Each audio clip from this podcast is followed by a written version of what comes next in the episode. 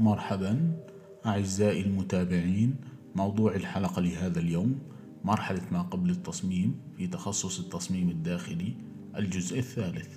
يقدمها الدكتور أحمد أبو هاني تخصص تصميم داخلي حاصل على درجة الدكتوراه في تخصص التصميم الداخلي من أكاديمية ستروغانوف الحكومية في موسكو عام 1996 كما أنه عضو في المنظمات الدولية في مجال التصميم الداخلي وفي لجان التحكيم لتخصص التصميم في العديد من المؤسسات التعليمية.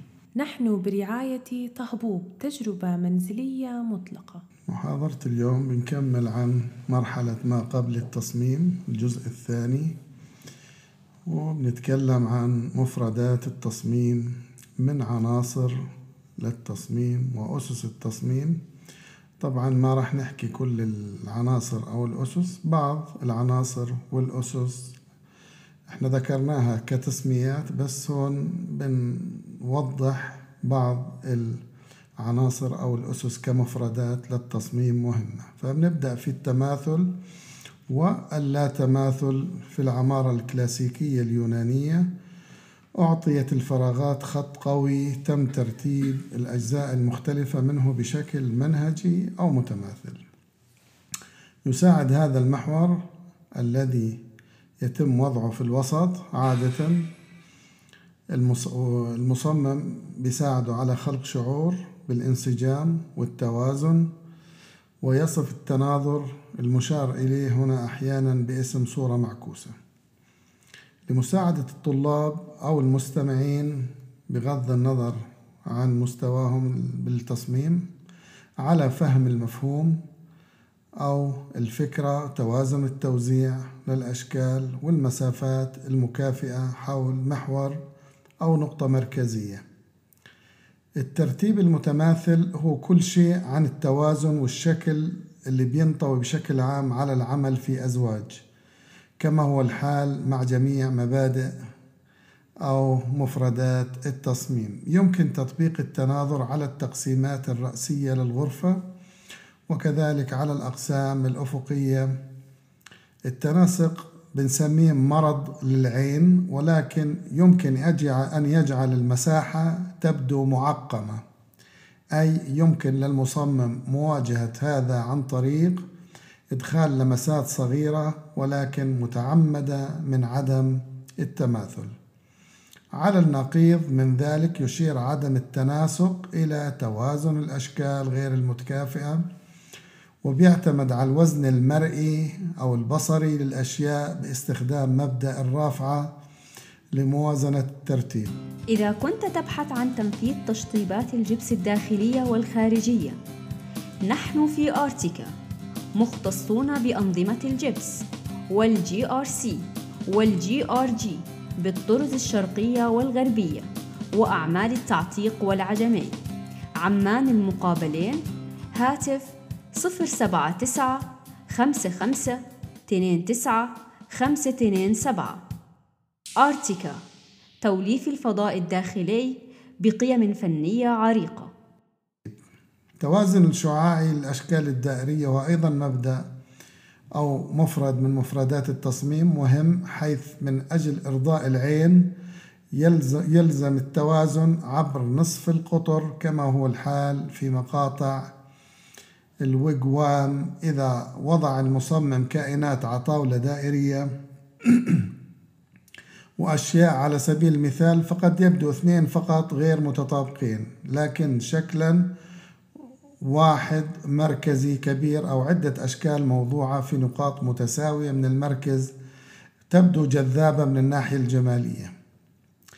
نيجي بنحكي على التوازن والتباين. في الصين يعتقد تقليديا أن الخطوط بتأثر على الناس نفسيا بينما تخلق الخطوط الأفقية إحساس بالهدوء والخطوط العمودية أكثر نشاطا يقال أن الجمع بين الاثنين يحقق انسجام ينبع فن الفنغ شوي من الفلسفة الصينية القديمة والطاوية كديانة ويستند إلى الاعتقاد بأن كل شيء في الكون يدور حول قوة الحياة الكونية المعروفة باسم تشي تتكون من تشي نفسها من القوة المتناقضة واليان والين. والتي يجب أن تكون متوازنة بشكل مثالي في جميع الأوقات. ويتم الآن استخدام تعديلات مختلفة لهذه الفلسفة الصينية القديمة وطريقة الحياة في جميع أنحاء العالم لإنشاء تصميمات داخلية متوازنة على حسب اعتقادهم بالفونغ تشوي ومتناغمة على الرغم من تعقيدها في كثير من الأحيان. يمكن أن ترتبط العديد من مبادئ الفونغ شوي بالأفكار الغربية حول بيئة العمل تدفق المساحات هناك أيضا أوجه تشابه من حيث استخدام الألوان والتصميم الداخلي والرمزية وديكور ورمزيته. استخدام أنماط الشبكة مثال في غرفة نوم الفيلا كأمثلة في فوكيت بتايلاند مما يضفي التوازن والانسجام. على الرغم من أنه النمط الكلاسيكي بيميل الارتباط بعناصر معمارية محددة مثل الأعمدة فإن استخدام المصمم للتناسب هو الذي سيحدد ما إذا كانت المساحة تبدو متناغمة. يمكن إدخال التباين في التصميمات الداخلية بعدة طرق مختلفة على سبيل المثال تباين الشكل حيث يتم إدخال أشكال مختلفة ارتفاعات أحجام في الفضاء. تباين اللون حتى أكثر الأنظمة أحادية اللون تحتاج إلى بعض نقاط التباين لشحذها وتباين الملمس تباين الضوء والظل إلى آخره. ننتقل للنقطة اللي هي الإيقاع والتكرار. للعديد من العناصر المتباينة والمفككة في مكان ما تكون مزعجة للعقل ويمكن للمصمم الاستفادة من إيقاع تكرار عنصر أو عناصر أو الأنماط المتكررة للمساعدة في تجنب ذلك. قد تتضمن الأفكار التباعد المنتظم للكائنات المتطابقة على طول مسار خطي أو سلسلة من العناصر المعمارية المتكررة مثل الأعمدة أو الخط القوي من النوافذ المتطابقة أو تكرار تفاصيل أصغر مثل الصور ذات الإطارات المتطابقة العناصر الزخرفية المعروضة في مجموعات درامية متباعدة بشكل متساوي. بنيجي على عنصر النقطة أو نقاط الاتصال. غريزية إنسانية طبيعية أن تبحث عن نقطة ثابتة داخل مساحة ما وأن تنجذب إليها ومع ذلك يحصل هذا وبتحتاج جميع الغرف لنوع من التركيز أو التركيز الكامل ويمكن أن يكون هذا شيئا واضحا مثل الموقد طاولة الكونسول شاشة لافتة للنظر ولكن يمكن أن يكون أيضا نقطة محورية غير متماثلة أو شيء خارج الغرفة نفسها مصمم لتوفير إطار للمشهد الخارجي. كمثال يخلق المصمم المشهور عالميا فيليب ستارك إحساس بالدراما والإيقاع في فندق Royalton Hotel في نيويورك مع تكرار وضع الأعمدة وتركيزات تركيبات الإضاءة وتثبيت الكراسي بشكل منتظم. ننتقل للتخطيط الفراغي على الرغم من أن المصمم سيكون دائما على دراية بالجماليات والجوانب الشاملة لأي مساحة بتم التخطيط لها إلا أن الوظيفية والتطبيق العملي هما الأولويات الأخرى الواضحة. يجب تصميم المنطقة وتخطيطها لغرض معين أو مجموعة من الأغراض ويجب أن تلبي احتياجات وأنشطة الأشخاص الذين يشغلون تلك المساحة مع إيلاء اهتمام خاص لأي مستخدمين معاقين جسديا في حال كانوا متوفرين أو موجودين. يعد الدوران من خلال الفراغ الداخلي جانب مهم من جوانب التصميم الداخلي وقد يقوم المصمم الذي يعمل في مطعم على سبيل المثال بإنشاء خطة تداول التأكد من أن الموظفين والضيوف يمكنهم التنقل في المكان براحة وأمان من المدخل للطاولات. ومن مطبخ إلى طاولات ومن طاولة إلى دورات مياه وما إلى ذلك في كل التخطيط الفراغي. يجب السماح بمساحة كافية حول الأثاث وسيتم اعتبار فتح الأدراج النوافذ أبواب الخزانة ووضع أرجوحة الباب جزء من العملية. بتساعد خطة التوزيع كمثال مصمم على ضمان وجود تداول جيد حول منطقة مزدحمة ويتم تحديد المسارات المختلفة التي من المحتمل أن يسلكها المستخدمون في مساحة معينة مما يسمح للمصمم بالتحقق من الاختناقات المحتملة في أو الازدحام الفراغي وإجراء أي تعديلات ضرورية. من أجل اتخاذ قرارات مستنيرة أو نيرة حول التصميم الداخلي والتخطيط يحتاج المصمم إلى فهم جيد لكيفية إنشاء المبنى أن يكون قادر على إنتاج رسومات تفصيلية للعناصر الهيكلية الرئيسة. كنادي سبنسر على سبيل المثال الحركة بالفراغ الموجودة فيه الاجتماعي والمستخدمون الرياضيون موظفين إدارة الموظفين القطاع الفندقي إلى آخره. يلعب التخزين جزء أساسي في حياتنا. المركز العصري لصناعة الإعلان. التميز والإبداع شعارنا. عمان بيادر وادي السير المنطقة الصناعية هاتف صفر ستة خمسة ثمانية ستة اثنين اثنين اثنين صفر ومصمم أن يخطط لذلك بدقة للتأكد من أن كل ما هو مطلوب يمكن استيعابه بأقصى قدر من الكفاءة وسهولة الوصول. نعتبر السلامة في التصميمات الداخلية أيضا أولوية كتخطيط. وبحكم الفترة السليمة يجب أن يهتم المصمم بشكل خاص بالأطفال وكبار السن وأنه لوائح التخطيط للأماكن العامة مقيدة بشكل كبير بقوانين البناء ولا تزال المساحات السكنية غير منظمة إلى حد ما.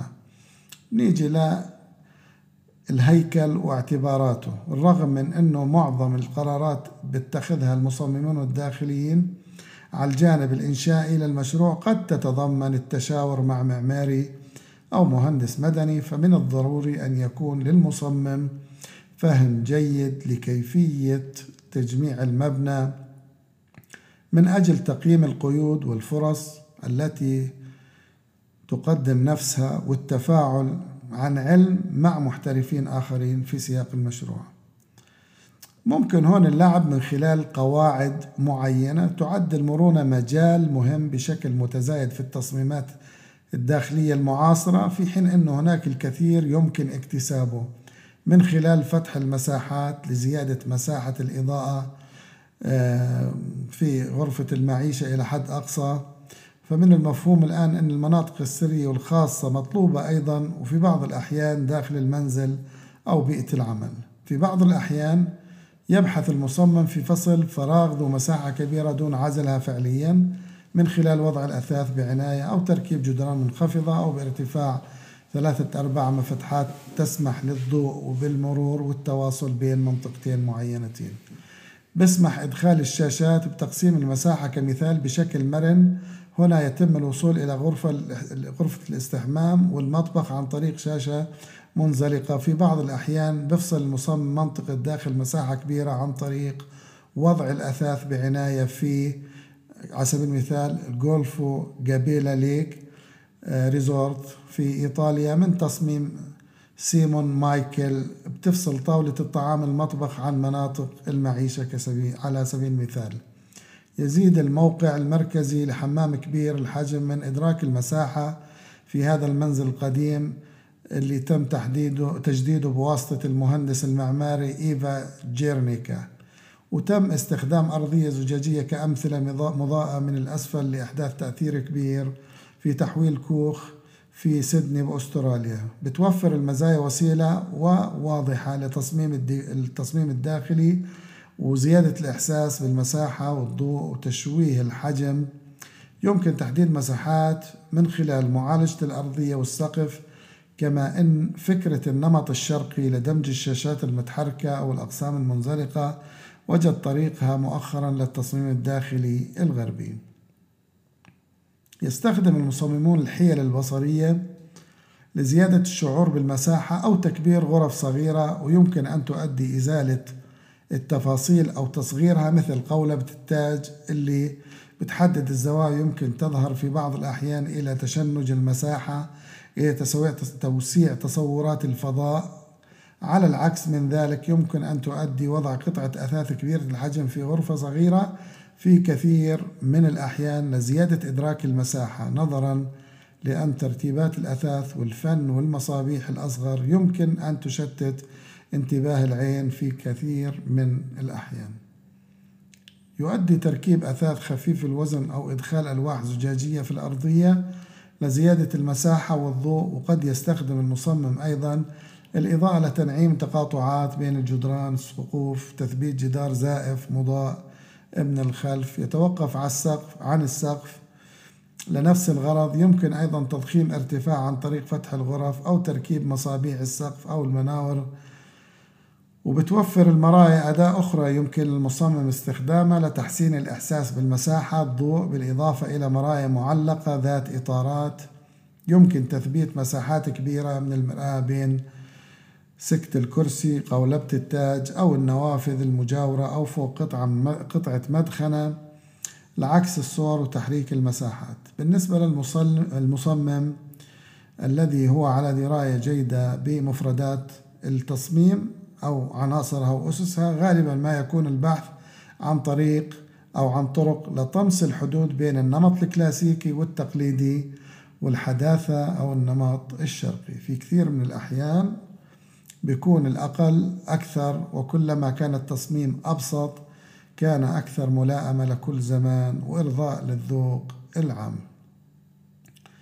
نيجي لنقطة تكامل الخدمات في المبنى أو بسموها ال HVAC system. على الرغم من أن الخدمات غالبا ما تكون غير مرئية وربما لا تكون الجزء الأكثر جاذبية في عملية التخطيط الفراغي إلا أنها تشكل جزءا حيويا من أي مساحة داخلية ويجب أخذها في الاعتبار في بداية المشروع. تشمل هذه الخدمات تدفئة السباكة الصرف الإضاءة الطاقة تكييف الهواء والأمن وأنظمة الترفيه أو الاتصالات المتكاملة. نظرا لعدم وجود طريقة يمكن أن يصبح فيها المصمم خبيرا في مجالات التكنولوجيا سريعة التغيير هذه ويظل كذلك. فعادة ما يكون من الضروري العمل مع استشاريين من أجل اتخاذ قرارات التصميم والتواصل مع مستشارين في الموقع. يجب على المصمم التأكد من أنهم محدثون ومستنيرون جيدا في هذه المجالات قدر الإمكان. يعني بتختار واحد كاستشاري عنده علم وممكن يفيدك. بتخضع الخدمات الرئيسية للمباني لأنظمة البناء التي تقدم إرشادات حول الحد الأدنى من المعايير المطلوبة على المستوى المحلي أثناء البناء وعند الانتهاء. ستقوم السلطة المحلية بفحص المنشأة للتأكد من استيفاء هذه المعايير ويعد استخدام الطاقة أمرا أساسيا بالنسبة للمصممين نظرا للحاجة إلى تقليل تأثير الاحتباس الحراري إلى الحد الأدنى. ولذا من الضروري بالنسبة لهم مواكبة أي من جوانب تركيب الخدمات التي قد يشاركون فيها. بنيجي للتدفئة في كلا السكنين بتم توفير حرارة داخلية عن طريق الإشعاع أو الهواء الساخن.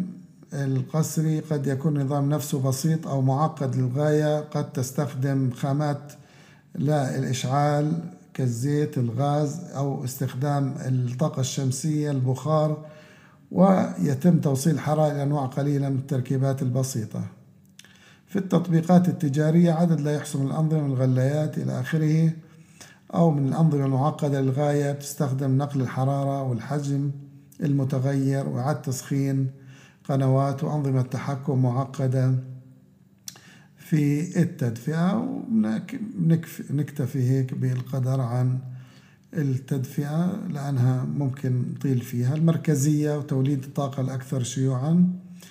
بتكون النوع من التدفئة المركزية من جهاز يعني آه، بيستخدم الحرارة الغاز العادم لتشغيل مولد كهرباء صغير. على الرغم من هذه ليست تقنية مستدامة إلا أنها لا تزال تلوث الفضاء إلا أنها طريقة أكثر فاعلية لاستخراج الطاقة من الغاز والنفط والى آخره. نيجي للإضاءة.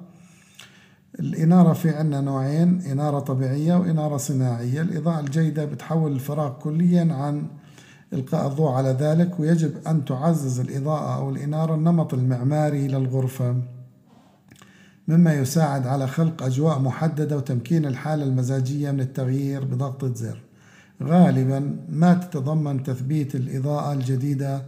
بعض الأعمال الهيكلية مثل تخريق ثقوب في أسقف الإنارة الساقطة أو النازلة أو الأضواء الكاشفة أو توجيه الجدران أو تثقيب في أعمال خشبية لإدخال كوابل لأجهزة الحاسوب تركيبات الحائط تثبيت. ويجب أن يتم دائما بواسط كهربائي محترف ومع ذلك في حين أنه على دراية بالتركيب آه، بالضرورة الكثير عند تصميم الإضاءة وبحتاج إلى إحاطة المصمم بشكل صحيح وتزويده بمواصفات كاملة للأعمال المطلوبة وخطة إضاءة مفصلة. كقاعدة عامة بتقوم مصابيح الإضاءة المحيطة بالعمل الحقيقي في مخطط الإنارة أو الإضاءة وبتضيف تركيبات الإضاءة الزخرفية من الأناقة. تجمع أفضل الحلول مما يعطي أفكار مرنة للإضاءة. وتتكيف مع المتطلبات المتغيرة عند اختيار تركيبات وبيحتاج المصمم إلى مراعاة الوظيفية والحجم والمظهر والمرونة نظرا لأن أذواق العميل ومتطلباته قد تتغير بمرور الوقت. تكاليف الشراء والتشغيل والصيانة للعمل بشكل صحيح وفعال ويجب تنظيف جميع التركيبات بانتظام بما أن جميع المصابيح تحتاج للتغيير في مرحلة ما فمن المنطقي استخدام مصابيح طويلة العمر في الأماكن التي يتعذر الوصول إليها بشكل خاص وفي الآن المصابيح الليد وإلى آخره اللي بتكون نسبة الاستهلاك للكهرباء تقريبا قليلة جدا. نيجي للمرونة والتحكم. يمكن زيادة مرونة مخطط الإضاءة باستخدام أكثر من دائرة كهربائية واحدة على سبيل المثال مصابيح الطاولة على حدة والتركيبات المثبتة على حائط على أخرى مصابيح مثبتة في السقف أو أضواء مريحة في ثالثة. ويجب أن يحتوي مخطط الإنارة أو الإضاءة الناجحة على مجموعة متنوعة من مصادر الإضاءة التي يمكن تعديلها بعد ذلك إلى أن تناسب الوظيفية أو الحالة المزاجية للمستخدم.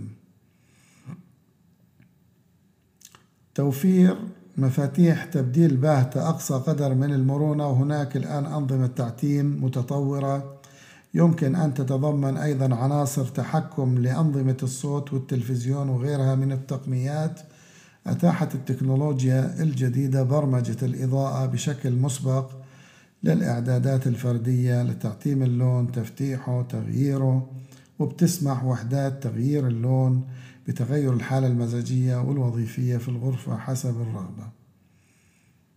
إذا محاكاة ضوء النهار للقراءة والعمل والإضاءة الهادئة للاسترخاء في المساء تغيير لون الجدار أو سقف الإضاءة اعتماد على طريقة معينة جعلت التطورات التكنولوجية أيضا من الممكن ليس فقط وجود أدوات تحكم مركزية مخفية أو إصدارات صغيرة محمولة باليد والتي ممكن تنزيل الموسيقى من الإنترنت بتشغل غلاية تهوية أو للأمان عند الطلب. ولكن أيضا تشغيل التحكم عن بعد مما يسمح مسؤول تنفيذي لتشغيل تدفئة إضاءة أمان سحب ستائر من موقع بعيد لمقعد. من الواضح أن الإضاءة هي أحد المصادر الرئيسة لاستهلاك الطاقة داخل المبنى.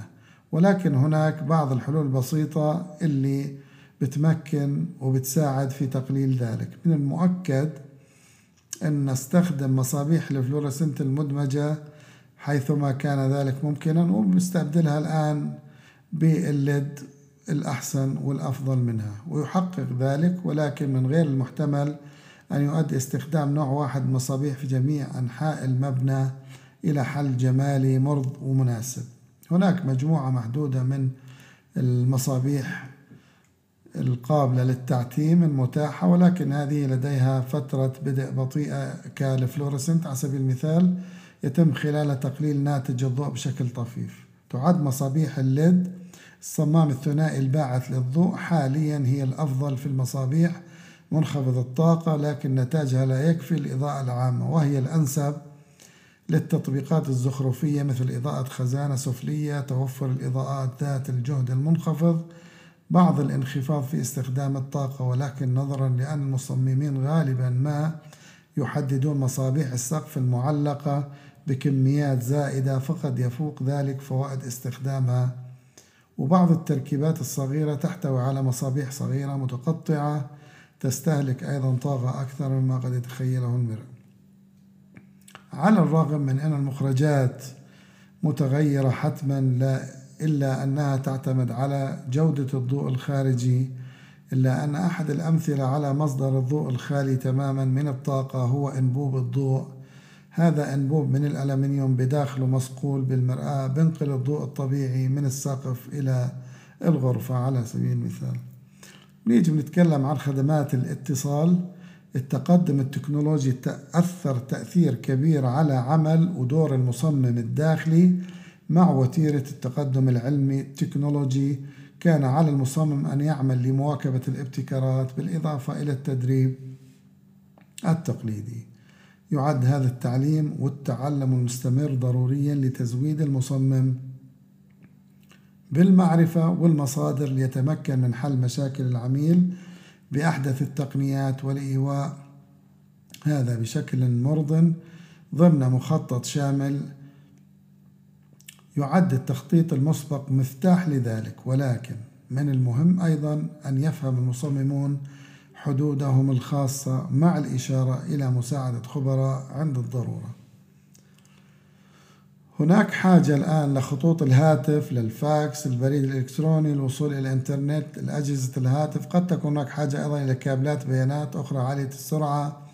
كالألياف البصرية بيعمل العديد من الأشخاص الآن في المنزل ويتواصلون مع شركتهم وزملائهم في العمل من خلال قنوات اتصال متقدمة. هذا هذا مجال متخصص وعلى الرغم من أنه سيتم تصميمه على الأرجح من قبل استشاري فإن المصمم هو الذي سيحتاج يحتاج إلى دمج هذه المعدات الوظيفية في المخطط والتعامل مع إدارة الكيبلات مواجهة تحديات مريحة.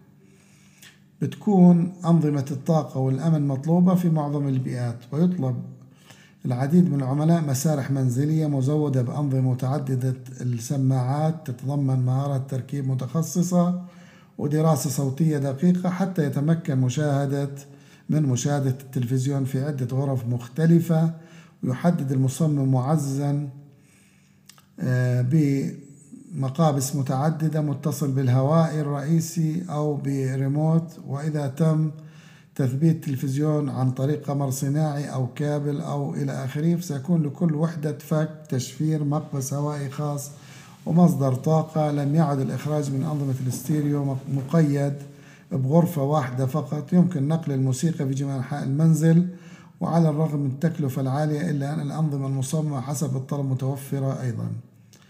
بعمل العديد من الأشخاص الآن من المنزل ويتواصلون مع شركاتهم خصوصا مع كوفيد وزملائهم في العمل من خلال قنوات اتصال متقدمة. وهذا مجال متخصص وعلى الرغم من أنه سيتم تصميمه على الأرجح من قبل استشاري فإن المصمم هو الذي سيحتاج إلى دمج هذه الوظيفة. وشكرا لحسن استماعكم. قدم هذه المادة الدكتور أحمد أبو هاني. تابعونا كل سبت الساعة الرابعة بتوقيت القدس على منصات البودكاست. كان معكم محمد الرنتيسي من ال Creative Center.